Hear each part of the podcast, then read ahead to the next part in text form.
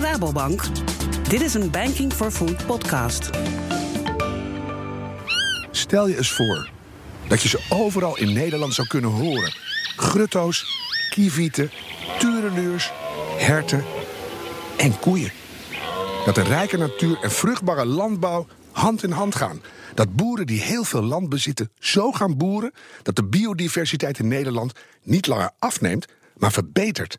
En dat uiteindelijk alles in balans is. Dag, ik ben Harm Edens. Wat goed dat je deze podcast hebt gevonden, want we willen in deze serie graag veel van waarde met je delen. Biodiversiteit, wat is het? Hoe staan we ervoor in Nederland? En wat hebben de boeren daarmee te maken? En ik heb het gevoel dat het op dit moment niet zo heel erg goed gaat. Ik ga praten met Bas Ruter, bioloog en directeur duurzaam bij de Rabobank. Duurzame productie, primaire productie, vereist dat wij slim met de natuur omgaan. Anders is het gewoon een eindig verhaal. Ja, ik maak me wel zorgen. Als bioloog, als mens, maar ook als medewerker van Rabobank. En het kan alleen tegen een stootje als het systeem goed georganiseerd is, als er veel verschillende planten en dieren zijn. Dus biodiversiteit op het boerenbedrijf. Was een bioloog bij een bank? Waar is het fout gegaan? ik denk, waar is het goed gegaan? Ehm, gelukkig is het zo dat banken tegenwoordig steeds meer met biodiversiteit, met biologie aan de gang gaan. En zeker Rabobank, als huisbank van de landbouw, heeft daar natuurlijk alles mee te maken. Dus het is fascinerend om dat te combineren. Ja. Heeft de bank jou gevonden of jij de bank? De bank heeft mij gevonden, in alle eerlijkheid. Want je zat hiervoor bij Triodos. Ja. Die combinatie was iets makkelijker te begrijpen. Ja. En toen? Maar dat was iets meer bioloog en iets minder bank. En nu hebben we zeg maar, met de ervaring van de biologie in de financiële dienstverlening, denk ik, steeds meer uh, synergie. Ja, en steeds meer belang wat we met z'n allen moeten behartigen. Nou, lange termijn duurzame productie, primaire productie, vereist dat wij slim met de natuur omgaan. Anders is het gewoon een eindig verhaal. Ja, daar gaan we het heel lang over hebben vandaag. Zijn er nog meer biologen in de bankensector dat jij weet? Of scheikundigen? Of, uh... Nou, ik moet eerlijk bekennen, in de bankensector is uh, de achtergrond van collega's heel divers. Dat gaat van Nederlandici tot historici tot biologen. Uh, er zit hier en daar wel een econoom, maar de achtergrond is heel breed. Het zijn echt zwaar in de minderheid, de ja, economen. Ja, ja. Je zou bijna zeggen dat het de goede kant op gaat. van welke soort natuur wordt, wordt Bas blij?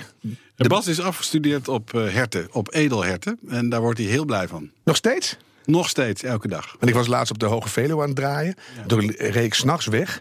En toen zag ik honderden herten. Ik heb nog nooit zoveel herten gezien. Nou, ik ben afgestudeerd in Indonesië op edelherten. En daar had ik 2000 herten bij mij voor de deur s'nachts. En die hadden allemaal de bronst op 20 hectare. En toen dacht ik, ga bij een bank werken. Toen dacht ik, tijd voor een rustige baan met nachtrust.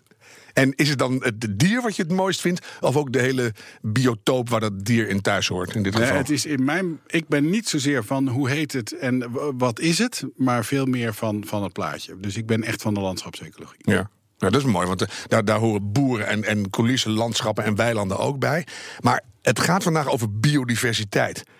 Misschien handig aan het begin om, om eens even af te kaarten. Wat is dat voor jou? Wat is precies biodiversiteit? Ja, biodiversiteit is eigenlijk gewoon de optelsom aan alle planten en dieren in een omgeving. Dus op, het, op de wei, in het bos, uh, langs de randen.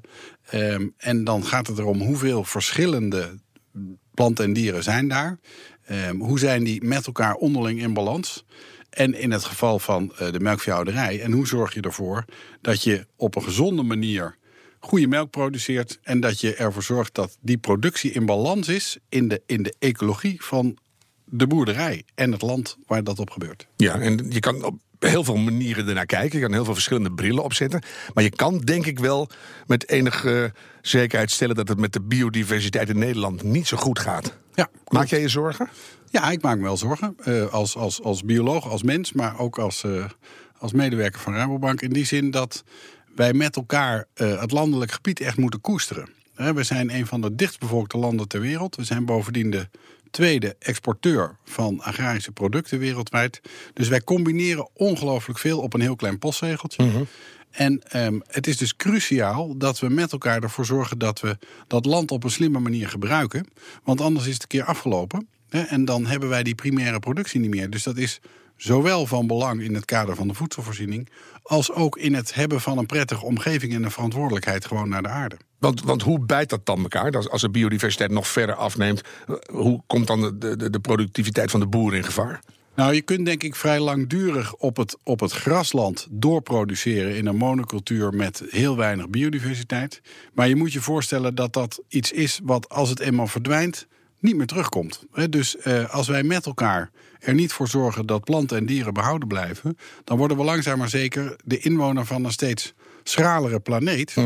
En ik vrees dat we er dan op termijn achter komen dat die checks en balances, de, de verhoudingen tussen planten en dieren onderling, een heel fijnmazig, slim, mooi ontwikkeld web zijn.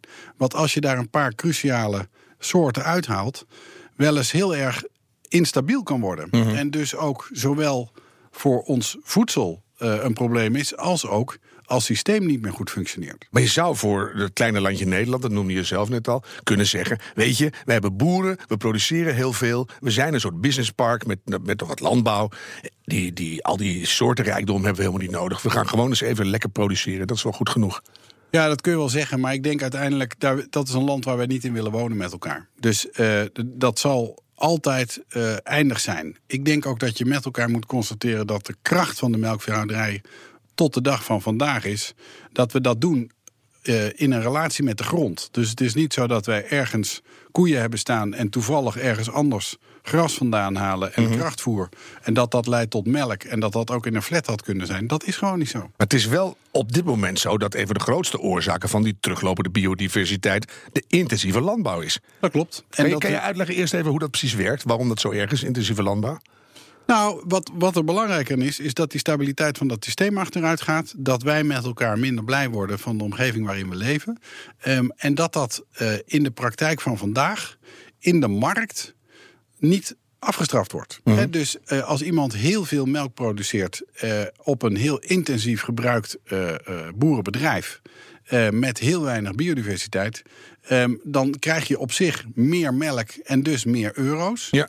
Aan de andere kant creëer je langzaam maar zeker een systeem waarin je heel afhankelijk bent van veel inputs, veel kunstmest, vaak ook gewasbeschermingsmiddelen. Dus je krijgt een, een, een, een systeem wat je probeert te controleren, maar wat intrinsiek niet stabiel is. Als je een van die factoren weghaalt, dan kachelt de productie achteruit en dan is jouw boerenbedrijf niet meer productief. Dus het is een eindige weg waar we nu op zitten.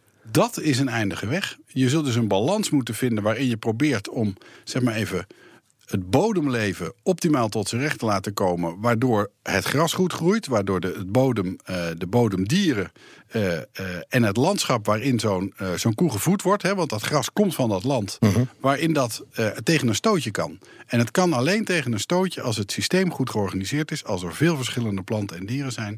En als je dus wat dan in jargon heet agrobiodiversiteit hebt. Dus biodiversiteit op het boerenbedrijf. Nou hebben jullie een paar weken geleden de campagne gestart. Uh, Growing a Better World Together. Over de hele wereld gaat dat. En een mooie vrouwenstem zegt dan: stel je eens voor dat we meer voedsel produceren zonder de aarde uit te putten. Ja. Daar zit het al in. Hè? Ja. Maar dan denk ik, ja, die boeren zoals die op dit moment hun bedrijfsvoering moeten doen, die staan zo onder druk, die kunnen geen kant op.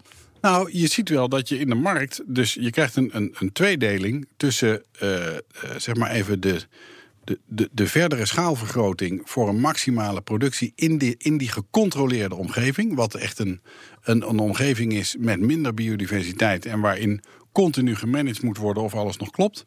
En je ziet aan de andere kant ook een aantal uh, boerenbedrijven waar dat op een andere manier gebeurt. Die hebben een iets lagere productie, die hebben ook iets minder kosten. Uh, en die hebben langzaam maar zeker een uh, uh, waarde in de grond, een, uh, een, biodiversiteit in de grond, een, een, een, weiland wat met minder inputs toe kan. Als we die kant op gaan, dan ben ik ervan overtuigd dat we genoeg produceren, maar dat we het niet nodig hebben om die grootschalige monocultuur uitsluitend op productie en controle te focussen. Dus op die simpele manier kan je al langzaam de, de ouderwetse manier van boeren, laat ik het zo maar noemen, de intensieve landbouw ombuigen naar een veel duurzamere. In ieder geval meer een balans. Hè. We moeten wel produceren. Het is niet zo dat die koe toevallig een keer langskomt... en dat je een keer een liter melk haalt en dan volgende week zien we weer lopen. Dat Stel je eens voor ja. dat er af en toe een koe langskwam... en dat je dacht, oh lekker, wat melk. Ja, die, die gaan we ja, niet halen. Hè? Dat gaat niet gebeuren. Maar, maar het is wel zo dat we, uh, als we die balans terugbrengen... Uh, dat we zeg maar, het boerenbedrijf ook in zijn omgeving iets vinden waar we trots op zijn. Het ziet er mooi uit. Hè? De, meer dan de helft van het Nederlandse landschap wordt gewoon beheerd door onze melkveehouders. Daar moeten we ook trots op kunnen blijven. Het enige probleem is dat in de transitie van de huidige landbouw naar zo'n intrinsiek stabiele landbouw er een periode is waarin die grond nog niet, zeg maar even, de biodiversiteit weer terug heeft die Ja. hij ooit gehad heeft. De opbrengsten lager zijn en daardoor het boerenbedrijf minder rendeert. Dus wij moeten wel als samenleving, als we willen dat we op die manier het melkveehouderijbedrijf uitoefenen, dan moeten wij ook waarderen dat iemand die keuze maakt. Maar dat is ook als bank. Dat ik, moet ik hoor hier alweer een economische dip tijdelijk Eh, ja, zeker weten. Dus daar Hoe, zit hoe ga je dat wel- opvangen als Rabo? Nou, eh, dat is een, dat is een, dat is een belangrijke vraag. Ik denk, eh, uiteindelijk moet zoiets uit de markt komen. Hè. Dus wij moeten eh, gewoon, als wij in de supermarkt staan, een pak melk kopen. waarop je kan zien dat dat goed geproduceerd is. en waarop je echt die paar cent extra best bereid bent te betalen. maar je Daar- hoort het alweer. Ja, jongens, in China ver, verrotzooien ze de boel ook. Ik koop gewoon lekker de goedkoopste melk. Ja, nou, en dat, ik vind eigenlijk op de lange termijn dat het zo zou moeten zijn. Maar dat is best een lange weg, dat besef ik me. Dat we met elkaar de norm af moeten spreken dat het zo moet. En dat het dan misschien in plaats van 98 cent 99 cent per liter is. Maar dan kunnen we het wel op de manier doen die we met elkaar willen. Ja. Alleen om daar te komen, hè, dus in de melkprijs moet het zitten, hebben we ook die transitiefase nodig. En zul je ook zien dat die boeren gewoon, een, eh, als ze die transitie doormaken, een dienst leveren aan de maatschappij. En die moet je zichtbaar maken. Die moet je zichtbaar maken en die moet je ook belonen. En als wij met elkaar in staat zijn, en daarom hebben we met Wereld Natuurfonds en met Friesland Campina op dit moment een heel gedetailleerd, uitgewerkt monitor om te kijken hoe ver iemand is in zijn melkveebedrijf, om daar naartoe te werken. En willen we het ook zo doen dat de koplopers in dat systeem, en dat meten we dan op een, eh, op een nette manier, ook beloond worden voor het feit dat ze die maatschappelijke dienst leveren. Klinkt als een hele bijzondere samenwerking. Een bank en een NGO voor wereldnatuurprotectie. Wel alle twee voor de hele wereld tegenwoordig. Ja. Dus dat is mooi. En dan ook nog een melkbedrijf. Ja. Een zuivelbedrijf. Denk je, dat, dat is een, een raar stel belangen bij elkaar onder één noemer. Bijt, Ja, bijt in- elkaar dat niet? In de karikatuur eh, is dat zo. En soms bijt het ook best, want je vertrekpunt is vaak toch anders. Ja, Alleen- Geef eens een voorbeeld waar jullie elkaar ontzettend zitten te bijten. Nou, wat je bijvoorbeeld ziet is dat, eh, eh, zeg maar even voor WNF, is het, het einddoel is een, een maximale biodiversiteit. Voor het melkveebedrijf is het einddoel een, eh, zeg maar een biodiverse omgeving waarin het goed produceren is. Ja. Het Dat op compromis minst- hoor je alweer zitten. Nou ja, daarom. Dus dat is op zijn minst een gedeeltelijk ander, ander belang. Maar wat ons verbindt, is dat we met elkaar vinden dat de manier waarop op dit moment dat die melk beloond wordt, niet klopt. Want de, de externe kosten die worden afgewenteld hè, van een, een relatief intensief bedrijf. En daardoor ontstaat ook druk op die melkveehouder om meer te produceren. Terwijl eh, de baten die er van een andere manier van produceren geleverd worden, niet beloond worden. Nee. Nou, daar willen we met elkaar vanaf. Want die melkveehouders die zijn het allertrotst op een goed producerend bedrijf met verdomd veel grutto's en natuur. Hè? Dat moet je niet vergeten. Ik kwam er laatst een tegen in, eh, de- aan de IJssel. Die helemaal dol van geluk op mij af kwam rennen. Kijk, we hebben meer kievieten dan vorig jaar. ja. Omdat ik het nu anders doe. Ja, maar En- het is ook geen baan, hè? Het is, het is een eh, roeping. Het is een dus roeping. de mensen zijn er geboren en die willen er blijven. Dus die willen dat ook. Maar is dat niet precies de, de, de transitie in een notendop? Het is zo langzamerhand wel een baan en het moet weer een roeping worden. Nou, ik denk ja. Mensen, het is in ieder geval. eh, mensen hebben niet de ruimte om precies dat te doen wat ze het liefst zouden willen. En eh, als wij in staat zijn met elkaar om die melkveehouders de ruimte te bieden om dat meer en beter te doen dan ze nu in die markt de verkeerde kant op gedrongen worden, dan denk ik dat wij trotsere boeren krijgen en trotsere burgers en met meer biodiversiteit. En een groter nationaal geluk, want daar gaat het uiteindelijk Zo om. is dat. Nee, maar denk echt. Ja. Heb je, heb je dat Wereld Natuurfonds ook binnengehaald? Of, of zijn jullie ook om samen dat verhaal beter voor het voetlicht te brengen? Ja, en ik moet in alle eerlijkheid zeggen, ehm, het puzzelen rondom en hoe is dan precies eh, die monitor opgezet en hoe gaan we dat met elkaar eh, vormgeven, dat kost meer energie en tijd. En daardoor duurt het wat langer voor we heel hard met elkaar roepen en zo moeten we het gaan doen. En Kijk nu moet ons iedereen meedoen. Ja, Ja, ja. Maar misschien is dat ook wel gewoon nodig om het, om het robuust te maken en echt met elkaar te kunnen zeggen en nu gaan we ervoor. En reken maar dat we dan, dan van ons zullen laten horen. En dan eh, het, de vertaalslag richting de gewone boer. Want ik kom er nog alles, jij Ja. ongetwijfeld ook. Ja. En dan heb je het over meer grutto's en meer tureluurs. Dan moet er grondwater omhoog, om eens wat te noemen. Plas, drasweilanden. Ja. Nou, de paniek breekt al snel uit hoor. Ja, maar Mijn wel- koeien dat- staan in, de, in het moeras. En, eh, Ja, dat kan. Maar ik moet je eerlijk zeggen, je, je hebt er eh, heel veel situaties waarin dat prima kan. En dan misschien niet meteen zeiknat en, eh, en, eh, en eh, verstuikte enkel, zou ik maar zeggen, voor de boer die er doorheen moet. Ja. Maar ehm, het kan wel degelijk op een manier die goed in balans is en die die ruimte ook biedt. Alleen de consequentie daarvan is een systeem wat zeg maar, meer produceert dan alleen maar melk. En dus ook in liters melk wat minder. En als wij met elkaar zo'n omgeving willen, dan moeten we ook de bereidheid hebben om degene die dat voor ons doet, daarvoor op een faire manier te betalen. Is ook eigenlijk veel breder kijken wat een boer nou toevoegt en oplevert. Ja. het is gewoon mooi. Hè? Dan hebben we die, die slogan Banking for Food in the World. Die verraadt jullie enorme internationale am- ambitie ook. Eh, Zijn jullie de- eerste, eerste bank in de wereld die er zo overduidelijk ingaat? Ik ken in alle eerlijkheid geen bank die dat zo expliciet formuleert. Het geeft ons ook wel de verantwoordelijkheid om er echt wat van te maken. Dus eh, dat geldt Het bijvoorbeeld. is ook nogal was, meneer Ruter. Ja, staat hele ook- wereld, ik- dat is Ja, heel ja, ja. groot. Er was één woord wat heel belangrijk was in die slogan. Dat was together. We gaan het niet voor jullie oplossen, Ah, maar ja. we gaan het met jullie oplossen. Ja.